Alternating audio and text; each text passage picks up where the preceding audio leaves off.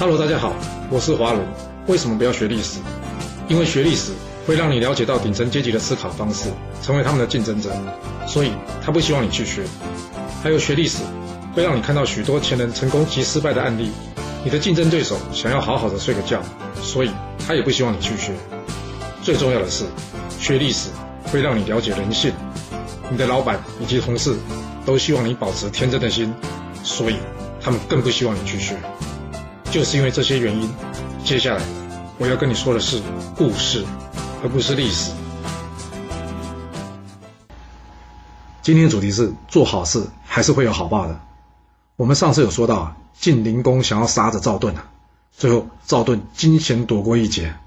而这当中呢，最关键的就是一位叫做林泽的人。这林泽呢，曾经差点饿死在路边。一开始啊，赵盾还以为是谁埋伏在路边想要刺杀他。结果发现了，原来是一位快要饿死的人，所以呢，他请人拿东西给这个人吃。而这个人呢，在吃了一部分之后呢，剩下他收起来了。赵盾一看到这画面，觉得好奇怪啊！你都快饿死了，难得有东西吃，你干嘛还要留下一部分来啊？这个人回答赵盾说：“因为我家中还有个老母亲啊，我不知道她是不是还活着，我想啊，把这些东西拿回去给她吃。”赵盾一听，哦，原来是个孝子啊！于是呢，他跟这个人说：“你就尽量吃，吃饱就对了。”等这个人吃饱之后呢，赵盾呢再叫人拿一大堆的食物了，叫他带回去给他母亲吃。而这个倒地的路人呢，也就是林泽。林泽为了报答赵盾的恩情呢，后来发现呢，赵盾家呢在招募士兵，他就去应征了。也就这样，他成了赵盾的守卫。但没想到的是呢，他却遇上了晋灵公呢想要杀赵盾这画面了。而其他卫兵呢，大家都是来打工的，谁敢拼命啊？大家一看，哇！大王派出这么多士兵要来杀赵盾，大家一哄而散啊。只有这林泽拼死带着赵盾逃走啊。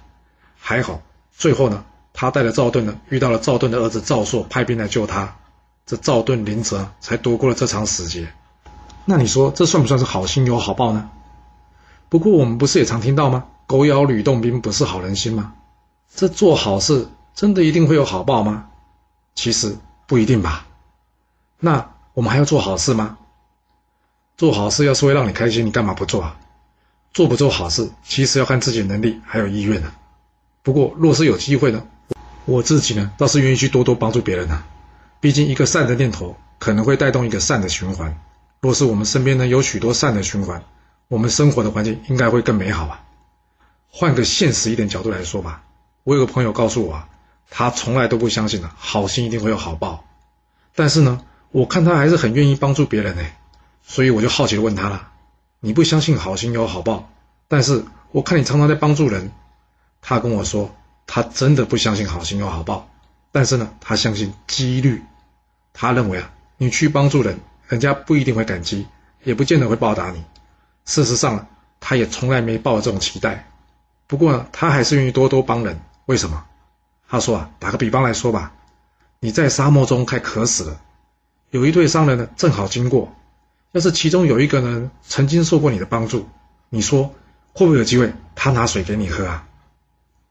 再换个角度看吧，要是整个商队的人都曾经受到你的帮助，那你说你喝到水的机会会不会又更高一点呢？你不一定会掉在沙漠，但生活中会碰到人呐，大多与你生活有关。你多帮一位啊，将来有难或许就有机会多一份帮助。或是换个角度来看吧，至少落井下石的人可能会少一点，你说是吧？若是你有其他想法，也欢迎你留言分享你的看法给大家哦。好啦，我们今天先说到这。如果你就是不听我的劝，想知道完整版的故事内容，你可以从说明栏找到我爱故事频道的连结。不过记住哦，你是来听故事的，而不是来学历史的。要是您喜欢这个频道，麻烦您动动您的手指。追踪留言，或是给我五星评价的支持以及分享，谢谢您来收听，我们下次再见。